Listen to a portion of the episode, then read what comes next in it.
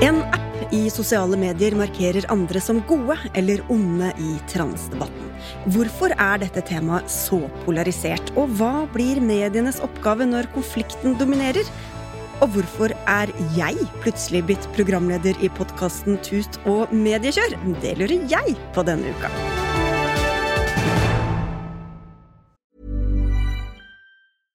Hiring for your small business? If you're not looking for professionals on LinkedIn, you're looking in the wrong place. That's like looking for your car keys in a fish tank. LinkedIn helps you hire professionals you can't find anywhere else, even those who aren't actively searching for a new job but might be open to the perfect role. In a given month, over 70% of LinkedIn users don't even visit other leading job sites. So start looking in the right place. With LinkedIn, you can hire professionals like a professional. Post your free job on linkedin.com slash people today. When you're ready to pop the question, the last thing you want to do is second guess the ring. At Bluenile.com, you can design a one of a kind ring with the ease and convenience of shopping online. Choose your diamond and setting. When you find the one, you'll get it delivered right to your door. Go to Bluenile.com and use promo code LISTEN to get $50 off your purchase of $500 or more. That's code LISTEN at Bluenile.com for $50 off your purchase. Bluenile.com code LISTEN. Vel møtt til Tut og mediekjør, podkasten for deg som liker å reflektere over hva som skjer bak kulissene i mediene. Denne uka skal det også handle om hvem som har ansvaret for å ivareta ytringsfrihet i dette landet. Jeg heter Sigrid Solund. Det må jeg si, Eva. Det var på tide å få en proff programleder. Det var så deilig, det. Velkommen, Sigrid. Takk. Tusen takk for at du er her. For det er jo sånn at uh, Vi må jo si nesten hver gang at Christian Lydemann Strander han har tatt en liten pause. Det vil si, han har for mye å gjøre, så da har vi benytta anledningen til å invitere de folka vi liker. Mm, absolutt. Eller ser opp til. Ja. Mm. Nå ser ikke jeg så veldig opp til Sigrid, for hun er jo strengt tatt lavere enn meg. Men uh, nei da, det er helt riktig. Vi liker folk vi inviterer, og denne gangen har kommet til programleder i Dagsnytt 18, Sigrid Solund. Det stemmer, det.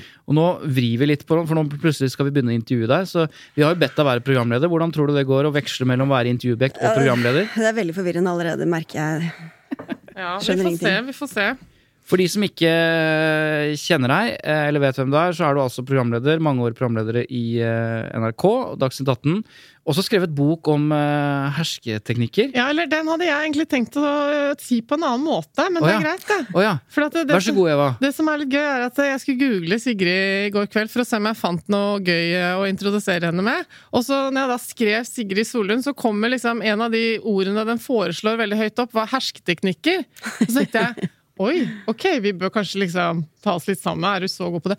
Så skjønte jeg at du har skrevet denne boka, da. Nettopp. Så det tenker jeg at det, det, kan være en sånn challenge til deg gjennom hele denne sendingen. At du bruker litt hersketeknikker overfor oss.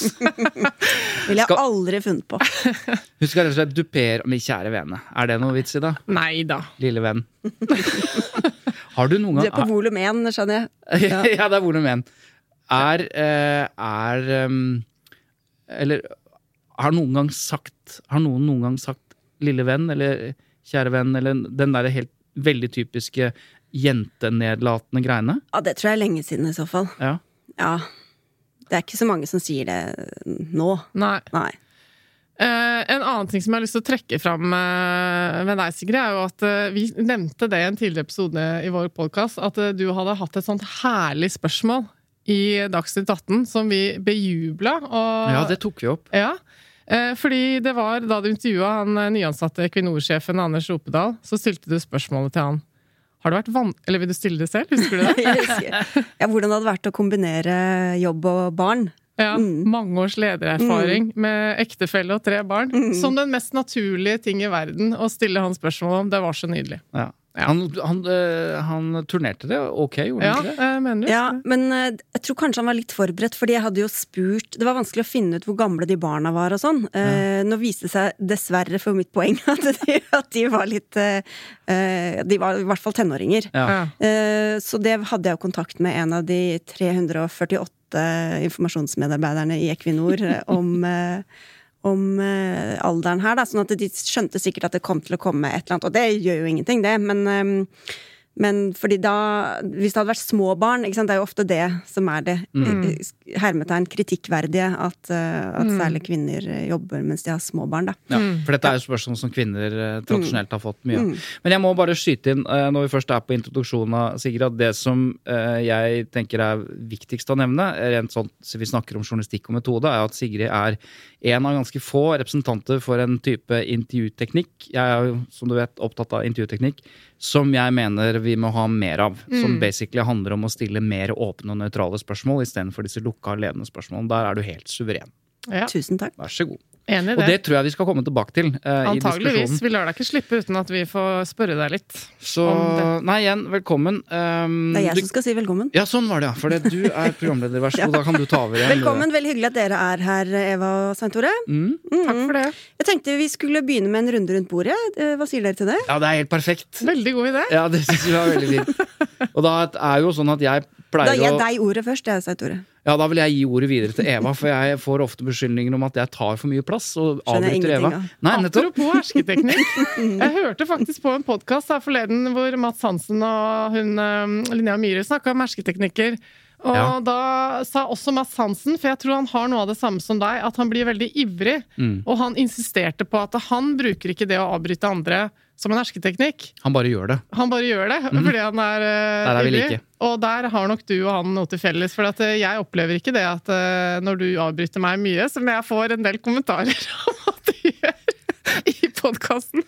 Altså, når de har noe Så- til felles, så mener du penis? Uh, det var ikke det jeg tenkte på. At vi er gutter. Men det trenger ikke å være bevisst for at det skal fungere som en hersketeknikk. Nei. Nei. Nei, men jeg tenker jo at intensjonen som Mads Hansen er inne på, er viktig. Altså, Har du intensjon om å avbryte for å herske, teknikere, så er det forskjell på det. Ikke sant? Det er forskjell på å kaste et glass i veggen med vilje og det å droppe det. Men konsekvensen er lik. Men der jeg skiller meg litt fra Mads Hansen, er at det er Når du vet det, at du avbryter, og du vet at det fungerer som en hersketeknikk, Ja, det fikk han jo vite i den samtalen jo, jo, på. da. men jeg vet jo at jeg holder på med det. Så, så da blir det jo en hersketeknikk, selv om jeg bare Jeg er sier at jeg er ivrig. Så jeg er enig i det. Men ja. Så derfor, vær så god, Eva. Ja, Eh, runde rundt bordet. nettopp. Min runde rundt bordet. Eh, Jeg har tatt med meg bitte liten sånn post påske-fact, som jeg leste i Aftenposten eh, i påska. Det var kanskje noe av det eneste jeg leste av, av presserelatert informasjon gjennom påskeferien. Der sto det at påskekrim det er visstnok et helt særnorsk begrep. Og bakgrunnen det er en helt sånn spesiell hendelse fra eh, 1923. For forlaget Gyllendal hadde en stor markedsføringskampanje for en spenningsroman da, som het 'Bergenstoget plyndret i natt'. Og så ble den annonsert på førstesiden av flere aviser på en sånn måte som gjorde at folk trodde det var en nyhetssak. Content marketing! Ja, ikke sant? Det syns jeg var så gøy. Helt tilbake til 1923 så har vi altså holdt på med sånn sammenblanding av reklame og, og nyhetsjournalistikk. Og så har det da blitt til fenomenet påskekrim. Da, da kom jeg på et slags malapropos, siden vi er på påske og quiz. eh, Og det var, var det var? Bergenstoget plyndret i natt i 1923. Vet dere når Bergensbanen ble laget? Slutten av 1800-tallet. Laget i mange år, men, var- men, men, men åpnet? Slutten av 1800-tallet, var Ja, hva tror du, Eva? Å, skulle så ønske jeg husket det her nå, for at jeg har jo gått Rallarvegen til og med. Hvis det kan hjelpe, så er det samme år som Freia-uret eh, i Oslo. Det, du vet det Freia-uret, Ja, som, er, som er Nord-Europas eldste lysstoff-reklameskilt. Eller i hvert fall Nordens. Samme år som Bergensbanen åpnet, så kom Freia-uret opp. Ok, eh, kom med det. Ja, det hjelper jo ingen, det der. Nei, det 1909. 1909. 1909, ja. Nettopp. Så nå husker alle dere det, eller begge dere, og alle lytterne. 1909, sentralt år i norsk historie. Ok, Greit. Mm. da er det vel min tur, da. Det er vel det. Mm. Har du tenkt på noe, eller? Jeg har tenkt på noe, eh, og eh, jeg har tenkt på at metoderapportene til Scoop eh, ble offentlig denne uka. Og Scoop er jo da Stiftelsen for kritisk og undersøkende presse. Og det er jo litt trist, da, for det, det har jo ikke vært Scoop-konferanse ikke i fjor, og det blir ikke i år, så alt er digitalt. men det eh, som jeg nærmest vil oppfordre lytterne til, hvis de er interessert altså Noe av det mest spennende som man kan lese om journalistikk, det er, og det høres snork ut, metoderapportene til Scoop. Altså, eh, veldig viktige saker, gravejournalistikk, eh, som har eh, fått konsekvenser, som har avdekket eh, ting og tang i samfunnet. Hvordan har de funnet ut av det? Altså det er, Metoderapporten i Scoop er på en måte en konsentrat av det Tut og Medikjør Ja, prøver å være. Altså men- Vi forklarer hvordan journalistikken blir til. Mm. Men dette her har du prøvd på før, Svein Tore. Jeg vet jeg å- prøver igjen. Å reklamere for at folk skal lese disse metoderapportene. Men det tror jeg ikke er så sannsynlig. Og jeg tror løsningen på det er at eh, de i så fall må finne en form eh, som vanlige mediekonsumenter da, kan bli eksponert Jo. for dette her, men uten å måtte sette seg ned. For det er jo så snork Ja, du når det det er- heter metoderapport. Ja, men Eva, de Burde vært en slags metoderapportene sitcom. eh, Ja, noe sånt noe. Eller podkast. De rapportene har blitt mye mer lesevennlig og leseverdige eh, enn de første. Så selv om det du sier heter det. metoderapport, så er det. Men eh, jeg vet du skulle si det, derfor skal jeg si noe annet. At hvis du ikke orker å lese, så vit dette, da. I et lite eh, land som Norge, med begrenset antall journalister og journalistiske saker, så er det allikevel sånn at disse metoderapportene og hele Scoop-systemet fungerer som en eneste stor delingsplattform. Der kan også journalister i Dagbladet Ja. lese metoderapporten til journalister i VG, hvordan de har jobbet systematisk med kilder, med data, for å finne ut av det. Altså Det er en sånn utrolig sympatisk Se hvordan jeg gjorde det, Ja, jeg se hvordan jeg fikk det til. Mm. Og, hvis, og om ikke våre lyttere setter seg ned og ser metoderapportene, så er det i hvert fall en oppfordring til alle landets journalister om å lese metoderapporter, for det får utrolig mye gratis der. Det er veldig imponerende, veldig mye av det de holder på med, da. Ja. Så kan vi heller uh, bare prate. Men jeg har faktisk vært på et foredrag hvor noen journalister i Aftenposten uh, fremførte mer, da. En slags metoderapport for et Ja. av de store prosjektene sine. Det er det når de som er vanlig vanlig på mye Scoop. økonomisk fusk blant politikere og sånn. Da gjør de sånn 'slik gjorde vi det', og så Ja. holder de foredrag. Og det det. er jo litt mer um, Men det var min uh, lille runde rundt bordet. Sigrid? Jeg har egentlig bare tenkt at jeg skulle snakke mer om meg selv, jeg, hvis det er uh... Så deilig! Utmerket. Nei, for dere snakker mye om presseetikk uh, hos dere, Mm. og, og det syns jeg alltid er veldig interessant å høre på. Men så uh, er det jo litt sånn andre mm, problemstillinger som dukker opp hos oss som driver med direktesendinger. Det veit jo du mye om, Svein Tore. Som, Mm. som er eh, både mye vi eh, ikke trenger å tenke på, som andre skrivende journalister f.eks. må bry seg mye om, mens andre ting som vi må ta høyde for, som andre ikke trenger Ja, hva å da, være så for eksempel? Nei, det handler jo mye om eh, Altså, det som er kommer på lufta, er jo Det er jo Kan jo være litt uforutsigbart. Ja, det skjer der og da. Det skjer der og da. Og da kan det jo komme, komme beskyldninger, det kan komme Viser seg at noen er veldig opptatt av en tredjepart som ikke er der. Altså, dette skal vi egentlig avdekke på forhånd. Vite hva, nei, hva, hva mm, gjestene kommer til å si. Men det er jo ikke alltid de like, spiller med like åpne kort, eller at vi får snakka like grundig med eller at vi stiller de riktige spørsmålene. Eh, Så det er en sånn sak som vi ofte diskuterer. Hvem må være med? Mm. Hvem bør være med? Hvem må være med? Hvem vil vi egentlig skal være med? Ja, for at da blir det sånn da at eh, ok, han bør strengt tatt være her for å svare for seg, Mm, men han nekter. nettopp. Hva gjør dere da? Hva gjør vi da? Det er jo og det gjelder særlig næringslivsledere, men det kan også gjelde politikere. Alle politikere, særlig de som selvfølgelig sitter i posisjon, har jo noen saker de ikke ønsker å snakke om. Mm. De vil bare at det, det skal forsvinne. Og det trenger ikke å være sånne skandalesaker, det kan bare være saker som er vanskelige, dårlige ja, ja. saker. Jeg skjønner det godt, jeg. Altså, Man har jo helst ikke lyst til å sitte på Dagsnytt 18 eh, når man vet at man er uh, monster i, i historien. Mm. Uh, og, og liksom, det er jo noe med jeg, det, det virker veldig ufarlig å stille opp hos deg, da, fordi du er jo et sympatisk vesen. Du har en mild stemme osv., men du er jo ganske hard. Ja, der kommer intervjuteknikken Du min. For det er, veldig, det er veldig mye vanskeligere å svare på spørsmål til Sigrid enn til mange andre. Ja. Uh, som et eksempel.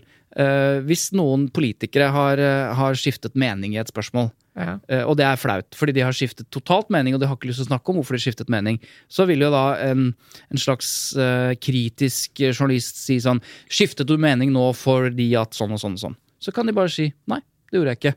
Og så er det veldig lett å svare på, det høres kritisk ut. Mens eh, Sigrid vil da typisk eh, stille spørsmålet hvorfor skiftet du mening? Ja, nå er det viktig for Høyre at sånn og sånn. Ja, det hører jeg, men det var ikke det jeg spurte om. Jeg spurte hvorfor skiftet du mening? Nei, rå, rå, rå. Og tredje gangen så sier du har fortsatt ikke svart på hvorfor du skiftet mening. Det er den intervjuteknikken, og det så vi jo tydelig i den Hurtigruta-saken. Det ble jo Ja, litt det- Hvor mange ganger stilte du det samme spørsmålet? Jeg da, vet ikke. Det, det husker jeg ikke. Men, uh... Men fortell litt, hvordan opplevde du den? Ja, da må vi bare forklare den Ja. saken litt. mm. Ja, ja, Sigrid kanskje kan forklare det Ja, selv. det gjør nok du aller best. Altså, det var eh, sjefen for Hurtigruta. Ja, som, eh, hvor det viste seg at det var eh, mye Nei, gud, nå har jeg allerede Du har glemt, glemt du glemmer alle saker du har vært, Sendt er glemt. Sendt er glemt. Ja, det men- skjønner jeg Det handlet noe om hans ansvar. Ja. Eh, vi kan høre på klippet her. Ja. Og noe av det alvorlige handler da om en kultur hvor dere var villige til å ta risiko. Risikostyringen var rett og slett for dårlig. Hvilke signaler og beskjeder har du gitt når kulturen i Hurtigruten da blir sånn? Kulturen i Hurtigruten er det viktigste eh, vi gjør. Det er det som danner grunnlaget for at sikkerhet alltid eh, kommer først. Men den kom jo ikke først, da. eh, De funnene, så, det er klart at de funnene som kommer i rapporten, eh, må vi jobbe målretta med videre. Eh, og kulturen er ikke god nok, eller har vært god nok, når en sånn hendelse kan skje. Og da spurte jeg om hva du har gjort, hvilke signaler, hvilke prioriteringer, hvilke beskjeder du har gjort, når dette da er kulturen, at sikkerheten ikke havner i forsetet. Kulturen eh, er jo hele selskapet, og det starter med meg på toppen. Sikkerhet har vært viktig for oss. Det har vært viktig å sette på agendaen gjennom alle årene de eh, har vært leder for selskapet. Og det er det aller, aller viktigste vi driver med. Eh, og så er det funn i rapporten som gjør at vi må jobbe enda mer målretta med eh, kulturen i selskapet. Det er helt åpenbart. Jeg vet ikke om du hører helt hva jeg spør om, for jeg spør om hvilke signaler, hvilke prioriteringer, hvilke beskjeder du har gitt, når kulturen da ikke er den du beskriver at den skal være. Ja, Det er jo sånn at eh, Som konsernsjef i selskapet Men det som, eh, det som var litt eh, spennende her, fordi at det, det ble jo Fikk jo mye oppmerksomhet, akkurat det strekket der. Ja. Eh, Det var at jeg måtte ta det intervjuet ganske på sparket. Fordi vi visste ikke helt om vi fikk han med. Altså Vi trodde egentlig ikke at vi fikk han med. Så det måtte bare stunte litt, det intervjuet. Og så prøvde jeg å gjøre sånn som du sier, Sentor, at jeg stilte et spørsmål som var egentlig ganske mm, altså, åpent, men spisst, da, er liksom min ja, tanke. Presist Ja, spørsmål. ja. Hva, var, hva var din rolle? Ja, nå, ikke sant? Hva, hva, hvordan kunne det ha bredd seg en sånn ukultur, som det viste Det var vel en rapport som hadde kommet som viste at her var det liksom en, en kultur eller ukultur ah, hvor man ikke sa fra. Man tok ikke saker videre, man tok det ikke opp, man skulle liksom bare glatte over. Og så prøvde jeg vel der og da å formulere et sånt spørsmål, og jeg vet ikke om det var det mest geniale spørsmålet, eller om det egentlig av, altså, var det riktige spørsmålet, men det som var gøy med det, var jo at han ikke svarte på det. Og det er klart at da er det så lett å kunne stille det samme spørsmålet flere ganger, selv om det ikke nødvendigvis var det mest relevante spørsmålet, så blir det så tydelig når han ikke svarer, og veldig tydelig at han hadde liksom lagt en plan for hva det var han skulle si, og så var det noe med kultur og ukultur Altså som kultur er viktig Altså det ble liksom parodisk bare ved den ordbruken eh, også. Eh, sånn at det var jo litt eh, heldig på den måten, men hva, altså at jeg bare kunne stille det Men, samme men dette, spørsmålet flere forutsetter, ganger. ikke sant? dette forutsetter noe helt vesentlig. To ting. Det ene er at du hører etter. Ikke sant? Det er jo det største problemet journalister har, at de hører ikke etter hva som blir svart. De er mest opptatt av å se på hva neste spørsmål skal være. Det gjør du. For, for forutsetningen for å kunne stille et spørsmål en gang til, er at du hører at han ikke svarer. Mm, mm. Og da må nummer- du vite hva du spør om. Nettopp. Ja. Og nummer to er at du tør. Fordi man er, når man har stilt et spørsmål to ganger, så er det sånn Nå bør vi kanskje gå videre. Men det at du insisterer på, fordi, og det tenkte jeg når jeg var journalist også, grunnen til at jeg også stilte spørsmål mange ganger, at mitt oppdrag er på vegne av lytteren og seeren. Og hvis jeg ikke hører at det svarer på spørsmål, så hører jo lytteren også at eh, de ikke svarer på spørsmålet. Og de vil ha svar. Så den der, Men det krever litt mot, da. Å tørre å stille spørsmål. Jeg vet ikke hvor mange ganger du stilte noenlunde samme, men mange ganger, da. Det, det første der kjenner jeg litt igjen. Jeg har vært gjest noen ganger i sånne type programmer og følt veldig på det at programlederen er ikke til stede. Mm. Sånn, han avleverer et spørsmål til meg, jeg sitter og legger ut, og så ser jeg han er liksom borte. Ned i sine egne notater og sånn. Det er så uprofesjonelt. Men det er jo fordi man kanskje ikke har den kapasiteten. da, Man driver og surrer rundt i manuset sitt og sånn, men uh, Det er Ofte så har man jo veldig mange spørsmål man vil gjennom. Kanskje det er noe du har gleda deg eller grua deg til å stille, at du har liksom jobba mye med det og sånn. Og da, da, blir det veldig fort den derre videre, videre. Men, men også til det der som vi sier at man må lytte og vite om man har fått svar. Det ligger, henger jo også sammen med det at man ikke har spørsmål som inneholder mange premisser. Fordi da er det jo mye lettere for vedkommende å si ja, men jeg har jo svart fordi at du hadde egentlig Ja. spurte om tre ting på en gang. Eller du skjulte spørsmålet inni noe annet. Og da er det veldig vanskelig for meg som, som intervjuer og, og si at du har ikke svart, fordi at de har kanskje svart litt. Ikke De har i hvert fall kommentert premisset ditt, Ja. og da har de på en måte svart. Mm. Og Det er derfor det er så viktig at de spørsmålene, og det er der du er så god, ikke sant? at du, du, du friserer vekk alt. Du tar vekk alle der, eh, premissene og påstandene, for da kan de ikke bruke de påstandene og kommentere de, og lure seg unna spørsmålet. Eller ladde ord som man også kan henge seg opp i. Ja. Ja. Men det Hurtigruta-eksempelet er jo litt sånn skoleeksempel for oss eh, som også jobber som kommunikasjonsrådgivere, Svein Tore. For at det er liksom, vårt første råd er jo litt sånn svar på spørsmålet. Ja. Også hvis du har et sånn spinn, hvis du har bestemt deg for at eh, ok, jeg skal inn et sted, og det viktigste jeg skal få avlevert er sånn og sånn, og det egentlig ikke er det som er eh, spørsmålet, så må du i hvert fall forholde deg til spørsmålet på et eller annet vis før du liksom tar den overgangen. Da. Det er Men- så mange som ikke klarer det. Ja, men her er det finurlige. Fordi, at, fordi det er ganske få journalister som insisterer på det spørsmålet og stiller det flere ganger, som Sigrid gjør, Mm. så kommer man ofte unna med den spinnen sin. Altså, Ja, sant? Man lager en spinn. Det er viktig at jeg sier dette. Så dette kommer jeg til å si uansett hva spørsmålet er. Og hvis journalisten ikke er våken, så høres det nesten ut som du svarer på spørsmålet, og det funker! Mm. Fordi, fordi intervjueren ikke eh, hører selv at spørsmålet ikke blir besvart. Så det er det som er grunnen til tror jeg, at kommunikasjonsrådgivere og våre kolleger fortsetter å insistere på at du skal spinne hele tiden. Men det er i, i møte med journalister som Sigrid at det blir Nå blir det mye skryt her, men det er, da, det er jo, jo, greit, men det er da det blir problematisk. For da funker ikke spinnen. Nei, for da blir lytterne oppmerksom på at faen, han sier jo det samme hele tiden. Han svarer jo ikke på Ja, ja. Men nå får jeg lyst til å spørre deg, Sigrid. Hvor lei er du av at gjestene dine er liksom Først vil jeg si superpreppa fra kommunikasjonsrådgivere på forhånd? Jo, det merker vi jo godt når noen er det. Hvis, Ja. ikke, hvis ikke de er veldig erfarne og flinke til å skjule det. det som, men, men så er det jo Det der først vil jeg bare si, det er jo en dårlig inngang, syns jeg, fordi at der føler man sånn åh, kan du ikke bare svare? Samtidig så skjønner jo jeg også at det trenger jo ikke at det, at det er noe sånn kommunikasjonsspinn, at man først vil bare si. Det betyr bare at det er det viktigste for dem å få sagt. Eh, Og spørsmålet ditt sånn- handlet ikke om det, og ja, derfor ikke sant? Noen ganger så er det sånn, først vil jeg bare si at det er veldig viktig at vi tar denne debatten. Det synes jeg er vel, det er det mest irriterende. Sånn. Ja, det er derfor du er her! Ta den Ta debatten, da. da! Men, eh, men, men så kan jo Og dette er ting som vi kan løse i researchen, syns jeg. da Hvis du snakker med noen, eh, så tenker jeg ok, hvor er det du går først? Hva er det du er mest opptatt av å sagt? Og så og så passer kanskje ikke det helt med den inngangen jeg hadde tenkt. fordi at vi må jo også tenke hvordan skal, folk skal forstå sakskomplekset. Hvis det er litt innviklede saker, så må vi tenke pedagogisk. Ja. Men da avtaler jeg ofte med dem ja, dette skjønner jeg er veldig viktig for deg å få sagt, men, og jeg lover deg at du skal få sagt det, men ikke begynn der. Nei, ok. Eh, vi kommer dit, jeg kommer til å stille deg spørsmål om sånn, da skal du få si det. Men det er jo nesten et godt kommunikasjonsråd du gir der. Ja, men, Altså, men det er også for, det er liksom for, og, og det er også et av de der dilemmaene. Hvor mye skal vi avtale ting, og for det skal jo være spontant og sånn. Men, Ja, men, men- men det er jo ikke sånn at vi skal lure noen, eh, eller ikke sant. Så det er, det er bare ok, du er jo her, og jeg skjønner at dette er viktig å få sagt, og det er relevant. Ja. Hvis, ikke, hvis det er noe som er helt på siden, så er jeg sånn ja, men det hører faktisk ikke hjemme i denne saken. Så det kan du si en annen gang. Men det der skjønner jeg at du vil si, men ikke begynn der, og ikke begynn med å si først vil jeg bare si at. Nei. Hvis alle gjør det, så blir det, det gjør noe med energien i sendinga, på en måte. Enig, men Mm. eh, har, du har ikke tid til å ha en prat med alle de du skal inn i, eh, i studio, du? Jeg snakker jo med noen, og så snakker jo andre i redaksjonen. Vi har jo en redaksjon på tre-fire stykker som ringer rundt og snakker med folk og sånn. Og så er det jo i varierende grad hvor mye vi får snakket med folk. Hvis det er en statsråd og sånn, så er det ofte at vi ikke får snakket med dem direkte. Men da ber vi om i hvert fall få snakke med en politisk rådgiver, og hvor tror du han eller hun vil legge seg, hva er det viktigste, hva er svarene på det, og sånn. Sånn at vi skal stille best mulig forberedt. Det er jo det beste for dem, og for saken, og for lytterne, og for oss, og for alle.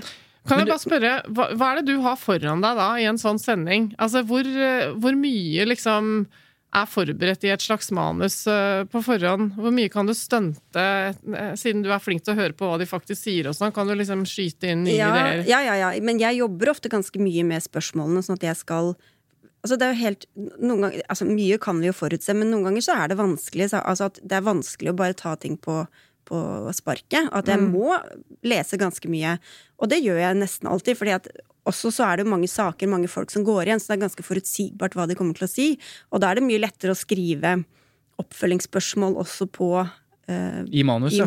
For du vet hva det jeg vet hva det kommer til å si, og da vet jeg, men da kan jeg spørre om det, og så kan jeg, og så kanskje jeg lager noe sånn kryss at det er, det er dette ene spørsmålet, er i hvert fall det jeg skal ha svar på. Mm. I stedet for å ha 14 spørsmål i tilfeldig rekkefølge, så er det liksom ok, jeg legger opp en plan sånn og sånn, og så uh, Om ikke annet, så er det liksom dette som er det viktigste vi, vi skal fram til. Og så inn, lager vi en intro, og den leser vi jo med, alltid mer eller mindre som den er. Og så kan det jo bli mye stunting etter hvert, fordi, nettopp fordi vi prøver å høre etter på intervjuobjektet og så spørre og sånn. Og så, og så pluss at når det er debatter, at jeg prøver å i hvert fall si ok, jeg skal i hvert fall ha La meg si at en har en veldig dårlig sak, da, og en har en god sak, men det skal fortsatt ha i hvert fall et kritisk spørsmål til den som har en god sak, for at de som sitter og heier på den personen hjemme, skal liksom føle at ok Ja. Fordi det er noe med den balansen Så det i blir den balansert. Men du, vi forlot, og det, apropos balanse, for vi forlot faktisk ditt eh, For jeg var så opptatt av å snakke om eh, intervjuteknikk at vi forlot det, det utgangspunktet ditt, nemlig presseetikken knyttet til balanse. Altså, du, vi var litt inne på det, jeg har lyst til å bare plukke opp det før vi går videre.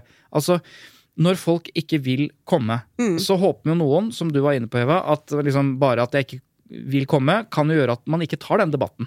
For da har man ikke liksom to debattanter. Samtidig så er jo pressen, og det står jo faktisk i Vær varsom-plakaten også, at eh, man skal ikke verken trenere eller, eller det at man ikke vil svare eller stille opp, skal ikke være til hinder for å løfte opp denne saken.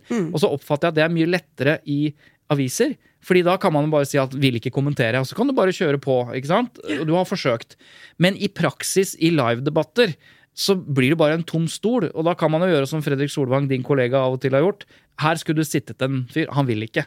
Av den, og den grunn. Men du kan ikke fortsette med å Nei. peke på tomme stoler. Så hvordan liksom Ja, og da kommer det jo litt an på hvor viktig er den saken, hvor viktig er det for oss å ha den saken, og pluss at og dette er veldig vanlige problemstillinger for oss. Hvor, um, hvor bra blir det på lufta? Er det verdt det å ta opp den saken bare for å vise at det er vi som bestemmer?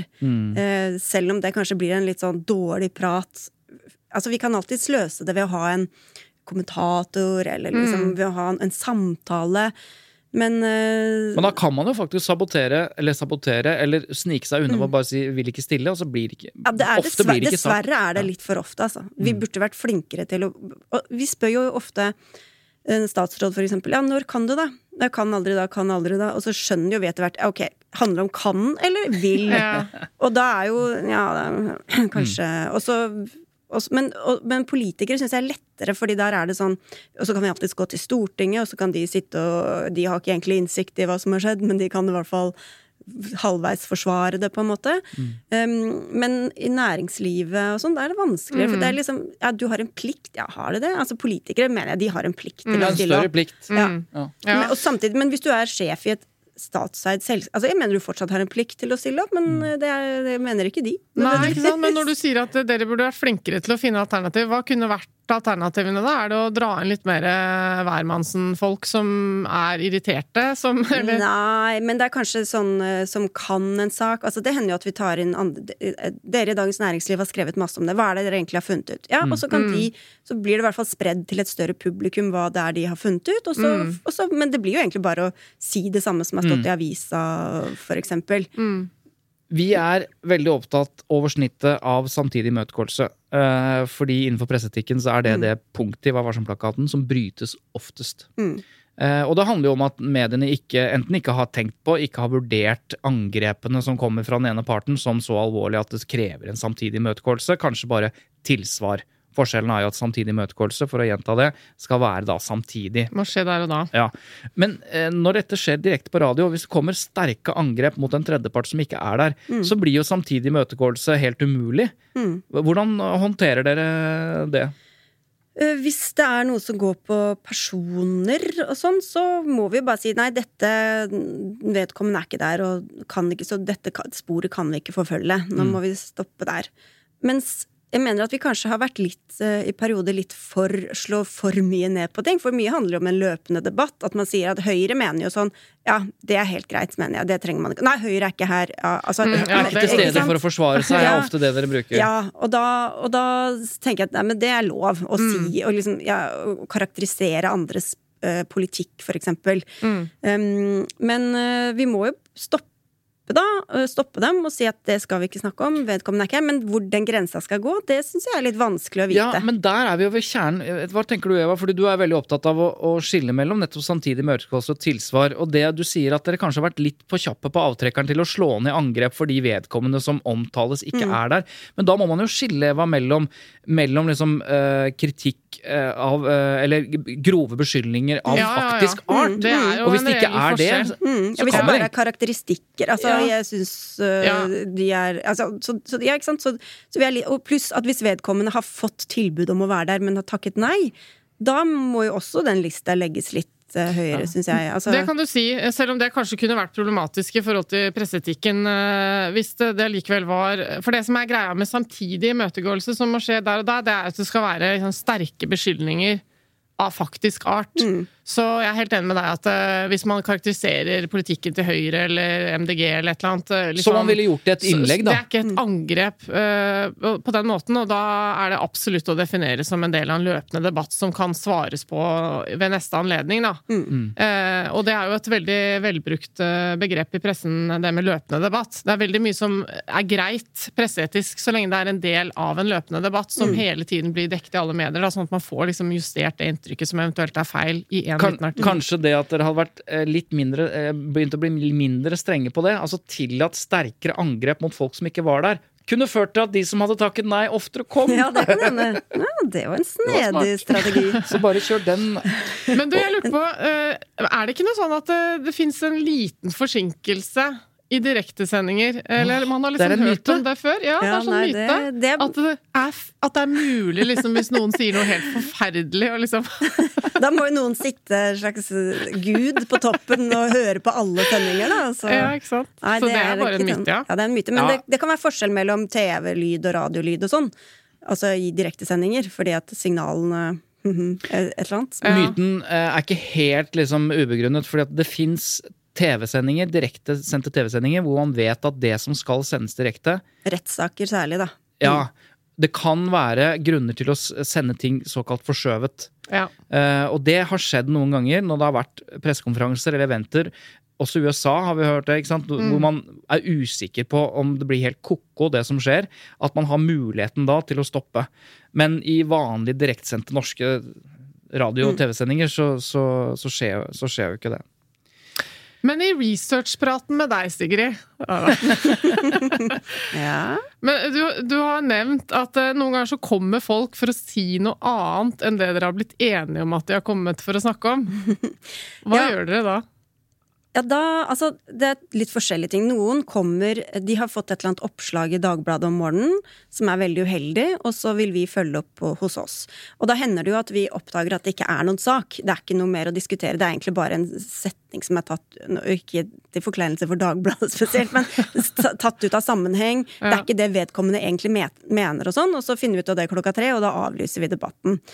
Um, men andre ganger så kan det hende at de ønsker å komme på lufta for å måte, demontere eller å rette opp i et inntrykk som er skapt i Politisk kvarter. Ja. Eller, ikke sant? Og da Nei, men det var jo ikke det jeg egentlig mente, det var ikke det jeg sa. Og så plutselig sitter vi der uten å egentlig ha noen Det, det blir en veldig sånn ko-ko opplegg, fordi at jeg er jo opptatt av å finne kjernen i argumentene. Hvor er uenighetene? Hvor er det mm. ikke Det Ikke ha sånne skinndebatter, ja.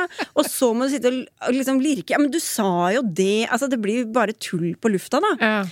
Eh, Og noen vil jo Jeg husker Carl I. Hagen var sånn som nektet å ha research-samtaler. Fordi ja, du får vite hva jeg mener når jeg kommer. Ok, ja, da blir jo det spennende, liksom. Men, eh, og det gjør det jo mye vanskeligere, selvfølgelig. Eh, Og noen er også veldig sånn at de trekker seg på det de har skrevet, eksempel. Hvis de har skrevet en kronikk, så gjør det alt mye lettere, fordi da kan vi binde dem til mast og si ja, du, du skriver dette, hva mener du med det, hva tenker du på da, hva er det du legger i det? Jo, da må de på en måte forholde seg til sin egen Fordi det er mer ubehagelig å si ting, særlig hvis de har en på den andre siden av bordet som kanskje er offer for det de har skrevet, eller Ja. mener noe helt annet, eller og noen er mer konfliktsky enn andre og sånn. Så, men hvis de har noen sitater vi kan forholde seg til, så er det en veldig sånn fin teknikk å bruke i de, i de sammenhengene. sammenhengene. Men jeg må bare spørre, uh, for å kanskje runde av denne litt nerdete praten om, mm. om dette eh, er ikke dette en nerdepodkast? Jo, det er en nerdepodkast, men, men, men jeg tenker på det du sier, da. Når, når du oppdager at debatten bare er død etter ett minutt. Mm. Du skjønner at her er ikke premiss Det var var ikke sånn vi trodde. Så sier jeg det er lange sju minutter. Eh, og jeg opplevde en gang da jeg ledet debattsending i det som het 1730, at uh, det var fire minutter igjen. Nest, jeg tror det var nesten fem minutter. Jeg lurte ikke på noen ting mer. Jeg var helt ferdig. Jeg hadde ingen flere spørsmål på blokka, og de satt der og så tilforlatelig enige ut. Og jeg visste at hvis jeg avslutter nå fire Og det var siste sak. Jeg kunne ikke avslutte fire minutter og si ja, nå er det, nå er det fire minutter stillhet fram til uh, nyhetene klokka, klokka seks. Altså Den situasjonen som direkte programleder, når du merker at nå mister jeg kontrollen, nå har jeg ikke noe altså, hvordan, har, du, har du opplevd det noen ganger? Absolutt. eh, Ganske mange ganger. Og nå prøver vi å si sånn Den saken kan ikke ligge til slutt, for den, den er ikke et sånn trekkspillsak. Noen saker kan man jo snakke om i det uendelige. Ja. Andre saker dør. Um, og det der har jeg opplevd ja, ikke sant, to, tre, fire minutter igjen til slutten av sendinga, og det er ingenting mer å gå på. Ok, Så du må ha en sak på, som siste sak som er litt sånn mulig å Ja. forme lang eller kort, Ja. Noen Noen ganger så kan man begynne sånn Ja, du sa eh, innledningsvis eh, dette Egentlig har debatten gått i ring fire ganger. Hva, hva, hva la, Si litt mer om Ja. det. Og da, da klarer du å tenke deg om. Men jeg har, den måten jeg har kommet meg ut av det, eller løst det på, er at jeg, jeg starter å prate med et Altså, jeg begynner på et spørsmål som jeg ikke aner enden på. Så du prater deg inn nærmest i et spørsmål sånn Ja, altså, det var jo sånn at når jeg tenker på La meg te- Altså, Det, bare begynn å prate, da. det tror jeg er deg, Svein Tore, ikke Sigrid. Ja, men jeg hadde en som vi var i fjor. Da var det, hvis dere husker han eh, Peder Egseth i Høyre som hadde invitert eh, ut til øl eh, på, På Nesodden. Nesodden. Nesodden, Ja, den tror jeg vi omtalte. Ja. Ja, den skulle vi jo diskutere, da. Med Gunnar Stavrum og Kjetil Alstaheim, tror jeg det var. Og, så viste, og det var siste sak, og så viste det at de var ikke veldig uenige. Eh, Vi hadde ikke satt av lang tid til den debatten, likevel var det altfor mye tid. Og da var det to-tre minutter igjen, og det var liksom det var helt ferdig. Og sånn at jeg begynte sånn Ja, ville du blitt med på en og, så, sånn. og det er sånn ty, Det er så siste spørsmål at alle Ja. tenker at da er sendinga over. Så da var svaret på sånn fem-seks sekunder, ikke sant. Så, Ja. sånn, så da måtte jeg begynne sånn Ja, men dere, i begynnelsen av sendinga så snakket vi jo litt om oh, nei, eh, Og da ja. trodde de at det var tull. Altså, det var så forferdelig. Og, og jeg hadde ikke noe sånn Noen har jo sånn Ja, hvis dere vil ha kontakt med oss, så ta Altså at man har noen sånne setninger liggende, men det Du var kan jo si tekniker, for denne sendingen har et veldig langt navn. Et lite øyeblikk. til. Der har vi alltid masse lytterspørsmål da, som vi kan dra inn. Ja, i podkasten kan vi altså Og hvis dere liker det dere hører, kan vi gå inn og gi stjerner. Du kan jo kanskje begynne med Mm. Men nok om meg. Som, som jeg jo egentlig ikke mener, selvfølgelig. Men uh, tenker vi skal komme til sak én, eller saken, som det vel er i dag uh, Ja, riktig. hos oss. Ja. Ja. Og det handler om uh, den betente skal vi kalle det trans, transdebatten? Ja, Er det, er det innafor å kalle det transdebatten? Ja. La meg for ordens skyld eh, klare opp en del ting. For jeg tror nettopp det spørsmålet der, hva skal vi kalle ting? Eh, dette handler jo både om eh, innenfor eh, innvandrerdebatt, ikke sant? Kaller vi det andre generasjon, tredje generasjon, eh, flerkulturell, eh, flerspråklig Altså hva er alle disse begrepene for at man ikke skal rote seg bort i det, da?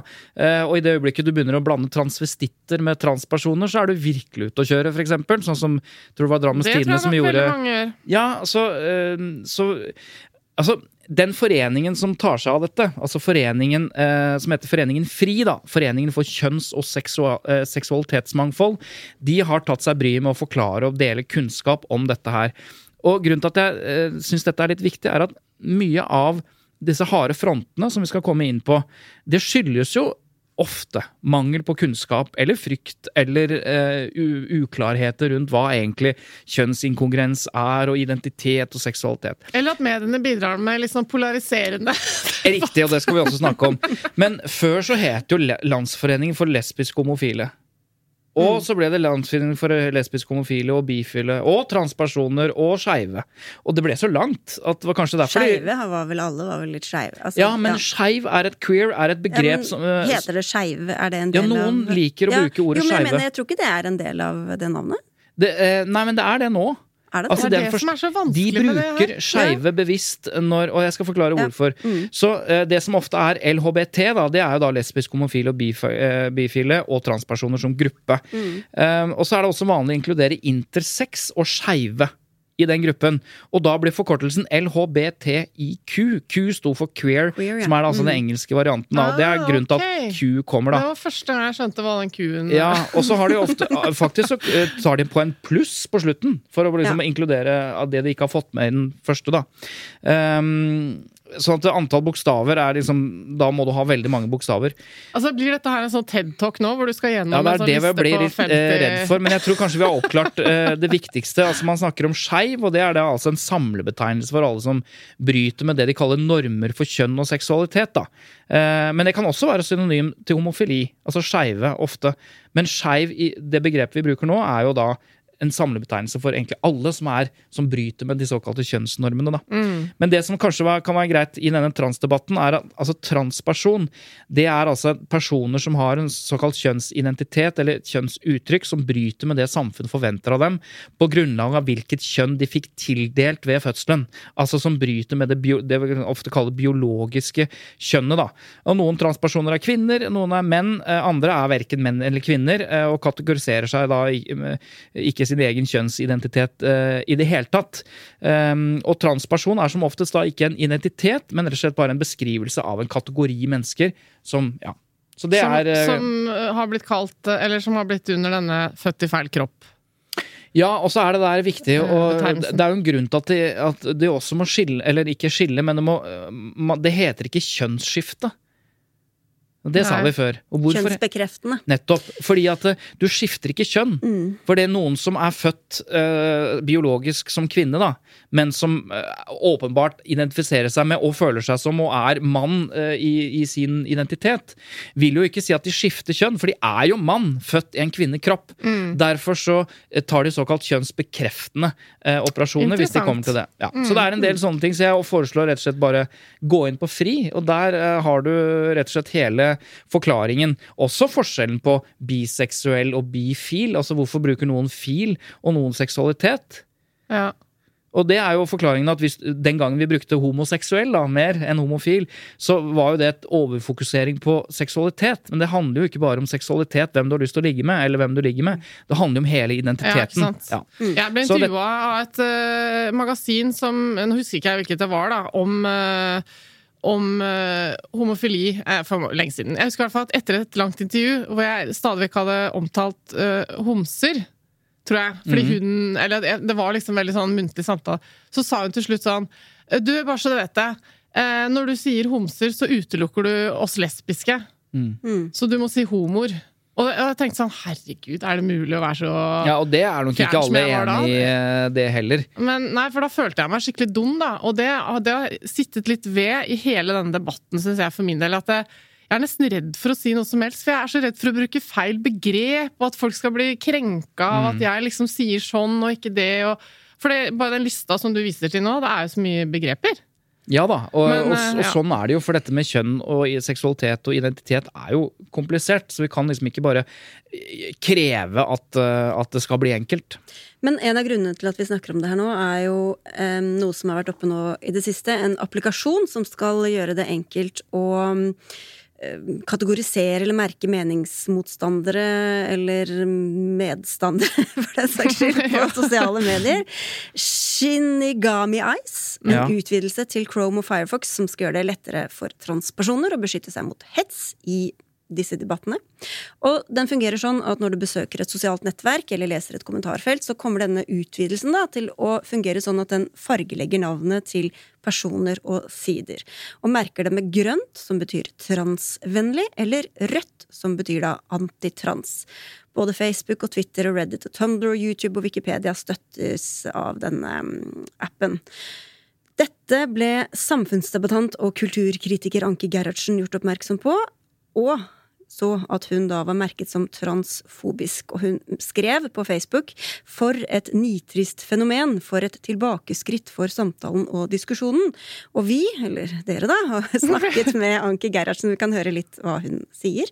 Ja, først så tenker jeg at vi skal ha veldig stor omsorg for eh, mennesker med kjønnsinkongruens. Det er reelle problemstillinger. Det er helt reelle opplevelser av å ikke passe sammen med kroppen sin. Så respekt og en sånn vilje til det gode, det må være grunnleggende premiss da, når vi skal snakke om dette her. Men det er jo ikke det samme som å si at kritikk, motstand, bekymring, interessekonflikt eller faglig bekymring skal nedtones, eller som det gjøres nå, brennmerkes ved hjelp av et uh, veldig autoritært verktøy, nemlig Shinigami Ai.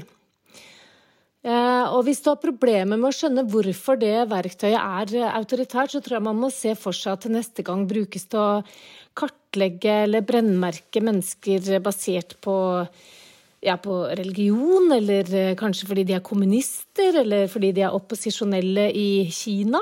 Det er liksom det prinsipielt forkastelige ved hele verktøyet som, som gjør at vi må ta avstand fra det, og høyst sannsynlig er det jo også ulovlig.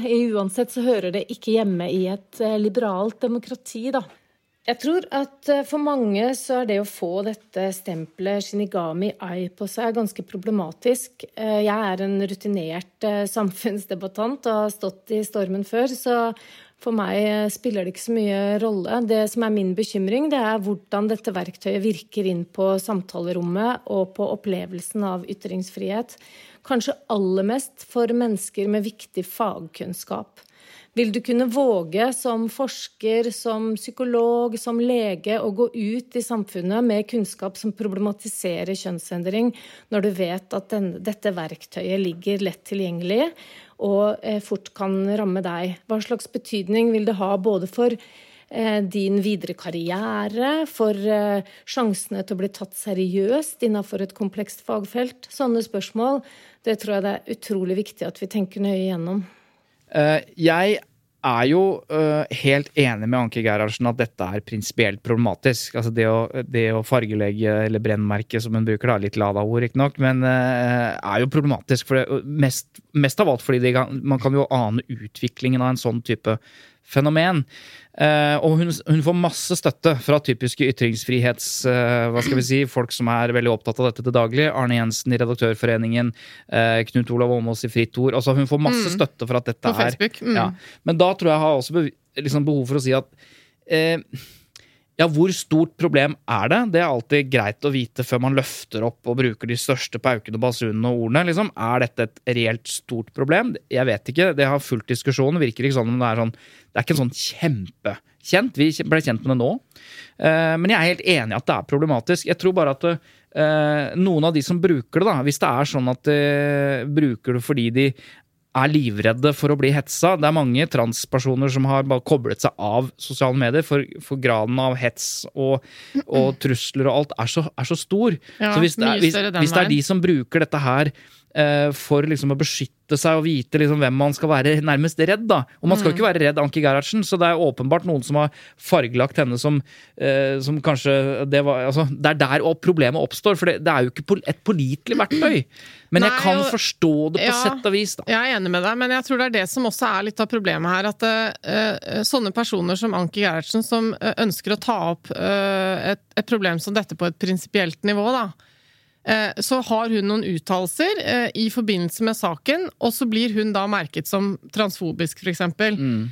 Og det som skjer da, er jo at fornuftige argumenter i saken som bør være en del av debatten, også liksom, for motstanderne, mm. de blir da potensielt tatt bort. Da. De, de blir ikke, altså, motpartene blir ikke eksponert for det, fordi de kan bare skyve dem vekk. De blir rødmerket, liksom. Mm. Og det er jo det som er hennes poeng.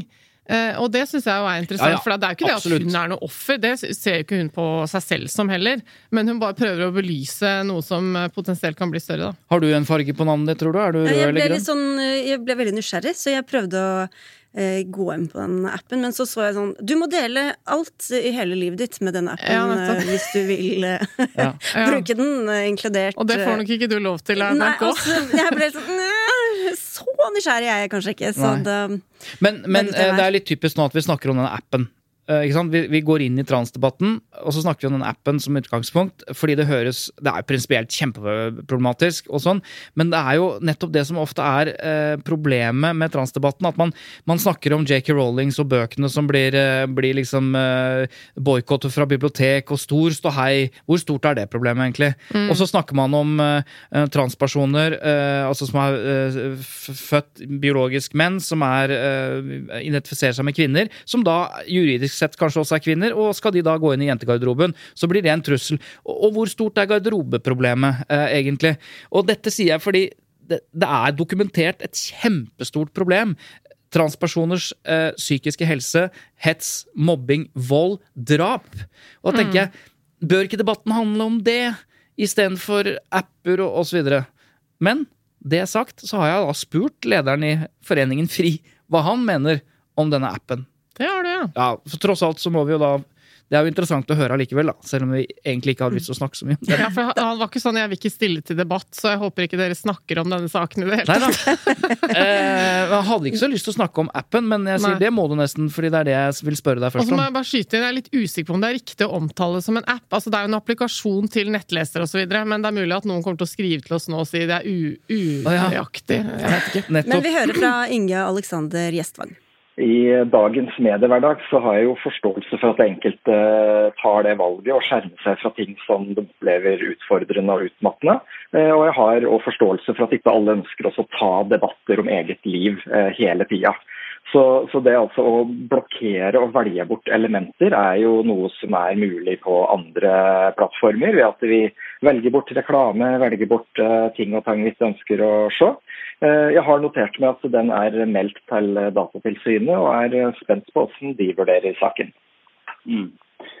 Nå mener noen at dette er prinsipielt høyst betenkelig, at man markerer meningsmotstandere på den måten, og den appen kan den brukes også til flere ting. Um, ser du de utfordringene? Eh, Ja, jeg tenker at her er det en del eh, prinsipielle spørsmål som jo kan eh, strekkes i alle retninger. Så jeg tenker at det er eh, som sagt den behandlinga til Datatilsynet er, Jeg er jo spent på å se hvordan de vurderer eh, den saken her opp mot eh, personvern osv.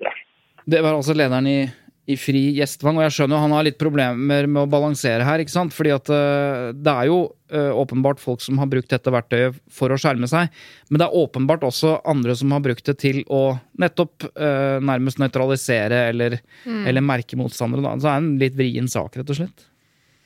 Jepp. Spørsmålet er bidrar mediene til at denne debatten her blir enda mer polariserende? Eller er dette bare et problem i sosiale medier? Hva tenker du, Sigrid?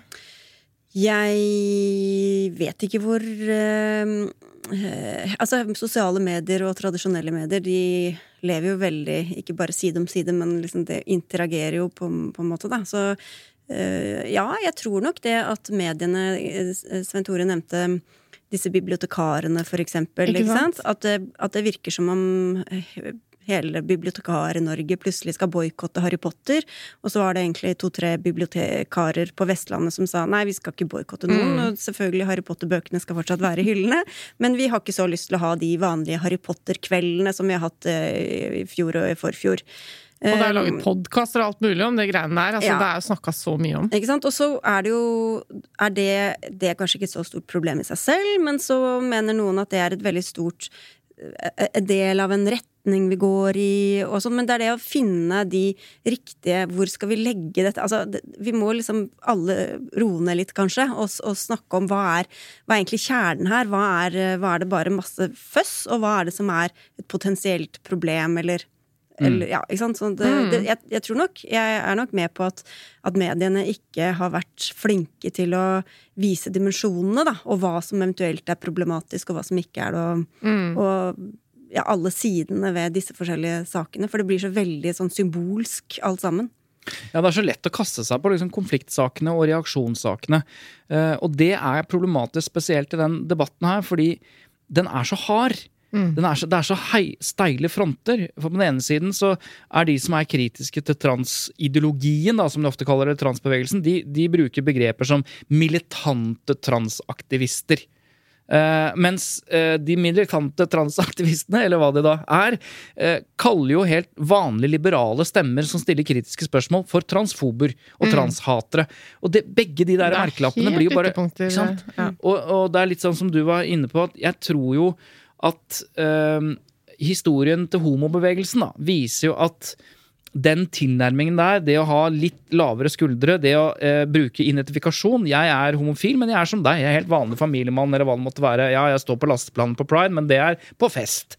Hva, vi er vanlige mennesker. Det å normalisere det, og det å akseptere liksom, å gå inn i debatt, da. Fordi at de folka som har stått på kall det rett side i både feminismekampen eh, i homobevegelsen, altså vanlige liberale stemmer, eh, heterofile mennesker, har jo vært til stor hjelp for homobevegelsen. Altså, jeg er enig med deg, jeg kjemper din sak. Men når de samme folka, som har et vanlig liberalt syn, stiller noen kritiske spørsmål, eller fordi de ikke vet, blir stemplet som eh, transfobe, så mister du på en måte en veldig viktig del av de som egentlig er på din side. Så jeg mener at det er så taktisk usmart. Ja. Um, men igjen, forståelig at de som blir hetset og truet på livet, ikke orker å stå i den debatten med heterofile menn på 40 som lurer på hvorfor du er som du er.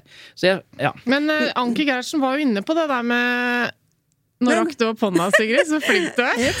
Er det sånn det hjalp jo ingenting. Hva skulle du si? Jeg skulle bare si til det du sa, og som du sa i stad, om det med ordbruk og sånn. Man Ja. blir så redd. Og da tror jeg at både for mediene og for enkeltpersoner at det, det er alltid bra å møte med nysgjerrighet, i stedet for å si 'jeg syns det er så vanskelig jeg, å vite hvilke ord man skal bruke', kan man ikke bruke neger lenger heller nå, da? Ja, jeg vil bruke det, jeg. For det er jo én holdning, og jeg kan jo forstå det derre Det er veldig komplisert, veldig mye. Men hvis man, hvis man spør Ok, hva syns du er ålreit at jeg Altså, hvorfor er det så vanskelig å spørre om det? Hva syns Ja. du hva, er, hva ligger egentlig i de forskjellige begrepene? Veldig mange mennesker bruker jo Det er jo ikke med, med vond vilje. Med, altså Noen har jo vond vilje, men for de aller fleste så er det kanskje litt frykt og litt forvirring. Men hvis man spør ja, hva, ok, hva syns du er greit? Ok, det, synes, det var innviklet, men ok, men at man liksom De aller fleste vil da si 'Å, så fint at du spør'. Det er jeg så blir jeg så glad Ja. for. Altså, her er sånn som dette syns vi, og grunnen til det er sånn og sånn og sånn. Ok, Og så kanskje samfunnet syns at nei, dette var ok, etter hvert så lærer vi det, og så er det ikke noe Det er ingen tar skade av det, liksom. nei, nei. nei. Mens, ja. Sånn Ja. er det i rasismedebatten òg, syns jeg. Det er alt for, man tør ikke å Å spørre, nei. Nei. Altså, øh, men jeg tror jo Grunnen til at dette er så vanskelig, er jo fordi at det, det gjelder jo eh, sårbare menneskers liv og helse. Det er det ene man aldri liksom må glemme. Men så er det sånn at jeg også, som heterofil mann på snart 47 år med fem barn, er jo også opptatt av at, at når mine barn går på skolen, så er jeg opptatt av hva lærer de om kjønn og identitet. Er det, de, er det sånn at vi blir så liberale at de blir prenta huet full, for å bruke et lada begrep, fra de er seks år? At du er ikke gutt og du er ikke jente, for det bestemmer du helt selv. Når starter den Men er det noen som Nei, lærer Det Det er derfor jeg sier det. Fordi at eh, det Man er en får litt inntrykk av det gjennom debatten. Så spørsmålet er er det sånn. Ja, det For det er jo det som er frykten. Vi tok opp en annonse her om dagen at vi, Ja. den, den transideologien og homoideologien og alt mulig sånn, den er skadelig for våre barn. ikke sant? De det er kristen konservativt. sånn som du sa nå. Ja, men, men, men vi må jo også kunne diskutere og lufte meninger rundt det. Det ene er hva man lærer om identitet. Fordi at eh, noen som ikke føler seg som verken gutt eller jente og er ni år, trenger jo å høre at det er jo normalt. På skolen, ikke sant? Men det er ikke sikkert du trenger å forklare en gutt at du er ikke gutt. Nå skjer jo ikke det i norsk skole. Jeg tror ikke det skjer, nei. Nei, men så er det et annet, et annet øh, poeng, og det som jeg tror de aller fleste er mest frykter og er skeptiske til, det er eh, de vi kaller kjønnsbekreftende kirurgiske operasjoner som skjer for tidlig. Hvis det skjer for tidlig, og det har man jo en del forskning på, at det er ikke sikkert at eh, de var sånn at de var gutter, de jentene som tok operasjoner. Det viste seg at de var usikre på helt andre ting. Og de, da begynner vi å snakke om alvorlige ting som skaper frykt Mm, Men da, og det er nettopp ja. det at da må man ta hver sak for seg, på en måte, da. Og så, en ting er selvfølgelig er det veldig interessant å diskutere hvilken retning går vi i, hva slags eh, liksom bølgende bevegelser er det gjennom samfunn og, og stemninger og sånne ting.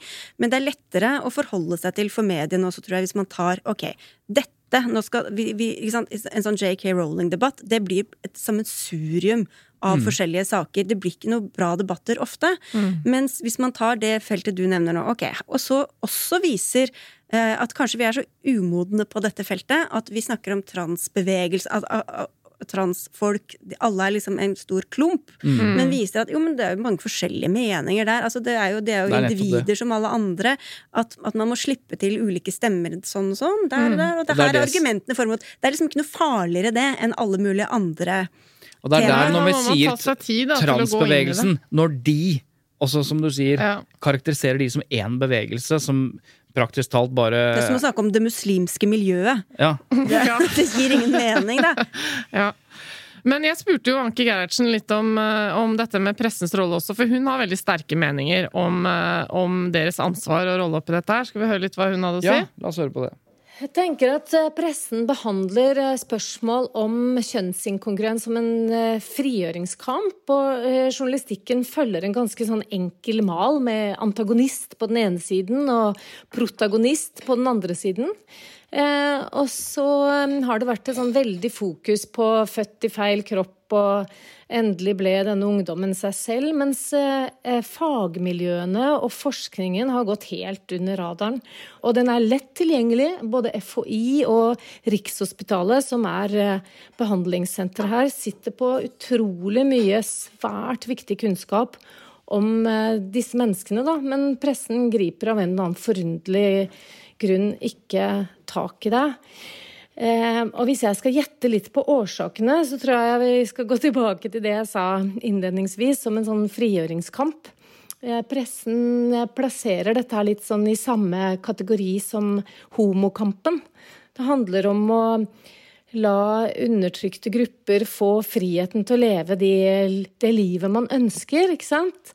Og så glemmer man at dette her er noe utrolig mye mer komplekst og problemfylt og vanskelig enn det det er å elske hvem man vil, da. Jeg tror det er en eh, refleks hos mange journalister å lete etter den svake parten, og så mm, forsøke å se verden fra eh, dens ståsted. Og det er jo veldig sympatisk. Eh, Det står også i Vær varsom-plakaten at vi skal beskytte enkeltmennesker og grupper mot overgrep og diskriminering, ikke sant. Så jeg tror også noe ligger der, at eh, Eh, Det er eh, veldig naturlig for journalister å tenke på den måten. Eh, Så det pressen må spørre seg selv om i større grad enn de har gjort til nå, det er eh, når du står på den svake side, hvem er egentlig den svake i, i denne tematikken? Og jeg tenker at det primært er de ungdommene, den hurtig voksende pasientgruppa med helt unge jenter, som ikke lenger holder ut å være i kvinnekroppen. Hva er det det kommer av? Hva slags kunnskap er det de trenger for å kunne eh, håndtere de store valgene de står overfor? When you're ready to pop the question, the last thing you want to do is second guess the ring. At Bluenile.com, you can design a one of a kind ring with the ease and convenience of shopping online. Choose your diamond and setting. When you find the one, you'll get it delivered right to your door. Go to Bluenile.com and use promo code LISTEN to get $50 off your purchase of $500 or more. That's code LISTEN at Bluenile.com for $50 off your purchase. Bluenile.com code LISTEN. I'm Sandra, and I'm just the professional your small business was looking for. But you didn't hire me because you didn't use LinkedIn jobs. LinkedIn has professionals you can't find anywhere else, including those who aren't actively looking for a new job but might be open to the perfect role, like me. In a given month, over 70% of LinkedIn users don't visit other leading job sites. So if you're not looking on LinkedIn, you'll miss out on great candidates like Sandra. Start hiring professionals like a professional. Post your free job on linkedin.com/people today. Altså, Vi snakker jo om to ting på en gang her. Eh, Vi snakker om transdebatten, hvor hard den er. Ikke sant? Hvor man setter merkelapper på hverandre med en gang man stiller kritiske spørsmål. Eh, som jeg tenker er veldig uheldig for begge parter.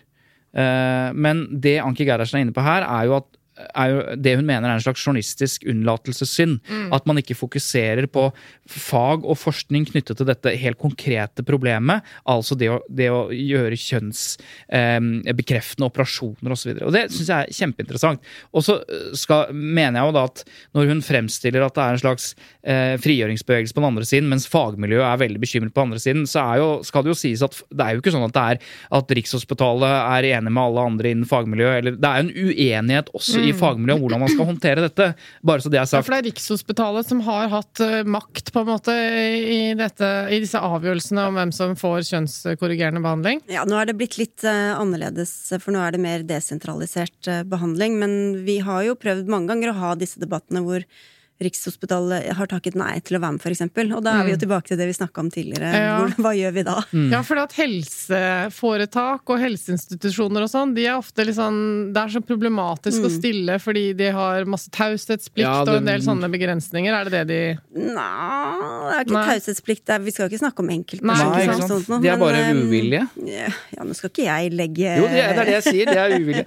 Nei, men, men, men, ja, men, poenget mitt var at det er to, to debatter igjen. og jeg jeg syns den siste her altså dette, dette skinner jo gjennom at vi trenger mer kunnskap uansett. Fordi noen tar fakta og forskning til inntekt for sitt syn, mens andre altså man, Det er sånn som er i vanskelige debatter, så, så bruker man jo øh, fakta og forskning akkurat som man vil, og da trenger man jo journalistikk ja, til å oppklare det der. Ja, det er nettopp det. For hvis det er veldig polarisert alt sammen i sosiale medier, og man får sånne applikasjoner hvor man kan liksom sørge for å utelate alle som ikke er enig med seg selv, da får man i hvert fall ikke noen korrigerende argumenter. Da må jo media ta det ansvaret prøve å bringe informasjon eh, til torgs. Mm. Uh, og så Det jeg har tenkt litt på, er at det, det, blir kanskje litt lett at det blir sånn enkildejournalistikk da, i et så betent tema som det her. Fordi hvis du først får et menneske med en så uh, komplisert og sårbar livshistorie til bords da, som journalist, så er det kanskje litt sånn vanskelig å, å, tenke sånn som dere ofte må gjøre i Dagsnytt 18, f.eks. At nå har vi denne personen her, nå må vi ha en som er uenig, en som kan liksom kverulere, vi må ha en debatt. Mm. Og, så, og, så, har du liksom endelig fått et sårbart menneske som vi jo etterlyser at flere skal fortelle sin historie, så vi forstår dette her. Da er det jo vanskelig som journalist kanskje å, å liksom få inn motparten. Er det, er det, en greie, kanskje? For jeg har hørt flere som sier det, at det er liksom enkildejournalistikk i denne debatten. Ja, altså det, men det er nok uh, Det er vanskelig for meg å si noe om det, fordi vi er så annerledes program. Vi er mye mer sånn på den andre siden. Vi har jo veldig få. Vi snakker jo veldig lite med dem det gjelder. Vi snakker ja, du snakker bare om politikere som snakker, om dem. Ja. ja. Så for vår del så tror jeg det var litt motsatt, egentlig. Vi hadde sikkert fire debatter om i det JK Rowling-universet, hvor mm. vi snakket med helt andre mennesker enn Eh, vi hadde en fra FRI i en debatt, og det, jeg tror ingen syntes at den debatten ble sånn spesielt uh, bra. Uh, men hvor jeg fikk Og det viste jo hvor betent alt var også. Når vi hadde disse debattene, så var det veldig mye hat fra alle kanter, på en måte, da. Ja, Hvordan merker dere det? Nei, nei blir jo mye skriverier på Twitter og Facebook og sånn, ja. hvor det er veldig ulike meninger. Ulike tolkninger av hva var det som egentlig blir sagt, og mm. folk hører liksom det de vil høre eller ikke vil høre. Men hvor jeg da tok meg litt tid og så snakket med, eller tok kontakt med flere i transmiljøet, da. Og hørte, hvor de sa sånn Nå er vi faktisk ganske lei at liksom, vi er ikke noe opptatt av den JK Rowling-debatten. Det er mm. Noen andre skal snakke på våre vegne, og, mm. og, og liksom, det, kan vi ikke heller ta tak i faktiske problemer, saker som er viktige for oss. Mm. Og da kjente jeg at det jo Det, er, altså det ene utelukker ikke det andre, men at det er klart at hvis noen liksom alltid skal bli framstilt i, som opptatt av noe helt annet enn det de egentlig er opptatt av, mm. og dermed få masse kritikk på vegne av liksom, mm. noe de ikke selv føler seg representert av, mm. da, mm. så skjønner jeg jo at det ikke føles så bra. Kanskje det passer da å avslutte Runa dette her med å høre eh, nettopp organisasjonen FRI, da, hva de tenker er nettopp medienes rolle, og hvordan mediene skal håndtere denne debatten. Ja. For det sa han også litt om. Den siste tida så har vi jo sett flere eksempler på gode nyhetssaker som, eh, som belyser transtematikk og transfolks eh, liv på en god måte. Eh, men så har det jo endt opp med som du sier, svært hatefulle kommentarfelt og faktisk behov for å slette de aktuelle Facebook-postene. NRK har jo opplevd det her flere runder. Eh, jeg har jo prata med journalister i kjølvannet av det her, som ikke har vært så klar over hvordan debattklimaet er, og som har eh, blitt eh, sjokkert når de har sett hva som har dukka opp i etterkant av publisering her. Så jeg ønsker meg at media følger opp kommentarfeltene sine i større grad, og at de fortsetter å lage de gode og informative saker om transfolks liv og levekår, for å øke kunnskapen og forståelsen for de av oss som da ikke er transpersoner. Jeg syns det er en god note å gå ut på, eh, egentlig. da, At dette handler jo i veldig veldig stor grad om kunnskap eh, og frykt. Eh, og kanskje bare en oppfordring til å ta tak i de sakene som, som faktisk er helt reelle, og som betyr noen ting. Og det handler jo om i, i, veldig stor grad om transpersoners eh, liv eh, og helse, psykiske helse og vanlig helse, men allikevel tørre å ta de debattene som vi snakket om. da. Mm. Tørre å snakke om hvor, eh, hva sier forskningen om kjønnsbekreftende operasjoner i tidlig alder, eh, og alt dette som jo skaper en del usikkerhet, da. Men det han beskriver, er jo ikke rart at man er innom det begrepet berøringsangst eh, hos pressen eventuelt, hvis man som journalist som dekker disse sakene her får så mye reaksjoner, og hets eventuelt ja, nå tror jeg han mente sider. primært den hetsen er jo knyttet til de transpersonene som står fram i de sakene. Ja, uh, men det at det skaper det, da. Ja, ja, det har vært en podkast også på NRK hvor, de, hvor, en transperson leste opp de kommentarene mm. uh, som han hadde fått, hen hadde fått. Uh, og det var bare så hardt og jævlig at mm. liksom du Ja.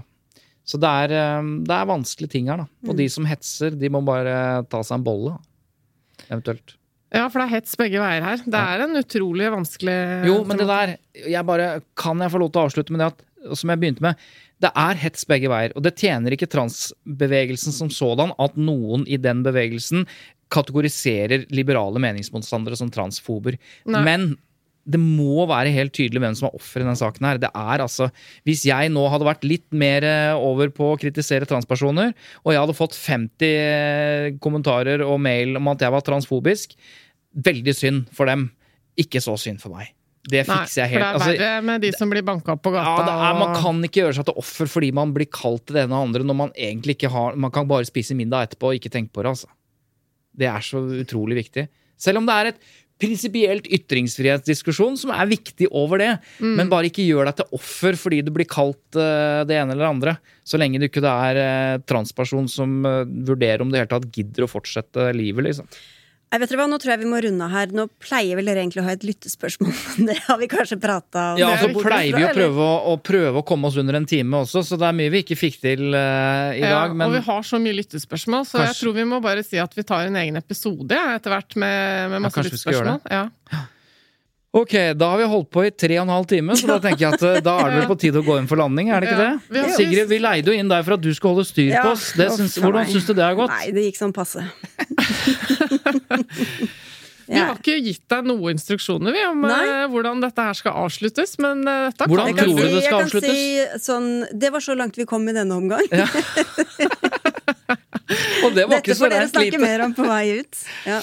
Eh, vi kan jo eh, legge til at eh, denne sendingen er produsert av ikke se på meg, for jeg skal ikke drive med noe reklame her. Den er ikke produsert av Sigrid Solund, i hvert fall. Men hun ikke har, NRK hun har Tusen takk til deg som har bidratt som uh, vikar for, uh, som programleder. Den er produsert av oss og Lyder Produksjoner. ja. Nei, vi har ikke produsert det, Eva. Vi har, vi har bare prata. Vi har produsert intervjuene her. Ja, det kan man godt si. Men det. det er Lyder Produksjoner som produserer Tut og Mediekjør. Det stemmer. Ja. Og Så... hvis du likte det du hørte nå, spesielt hvis du likte den herlige stemmen til Sigrid Solund så Gå inn på Dagsnytt 18. så hør på Dagsnytt 18, ja. ja. Ellers... Og lik og del og abonner på denne podkasten osv. osv. Og, og send oss meldinger og feedback. Ja, så ha en fin dag, da. Eller kveld eller natt. Eller, eller alt ettersom. Ja. Mm. Ha det. Ha det. Tusen takk, takk for, for meg.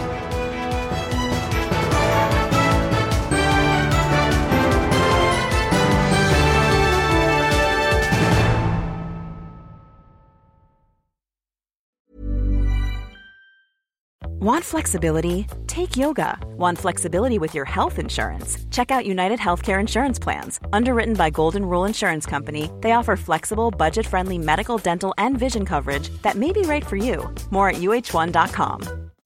When you make decisions for your company, you look for the no brainers. If you have a lot of mailing to do, stamps.com is the ultimate no brainer. Use the stamps.com mobile app to mail everything you need to keep your business running with up to 89% off USPS and UPS. Make the same no brainer decision as over 1 million other businesses with stamps.com. Use code PROGRAM for a special offer. That's stamps.com code PROGRAM.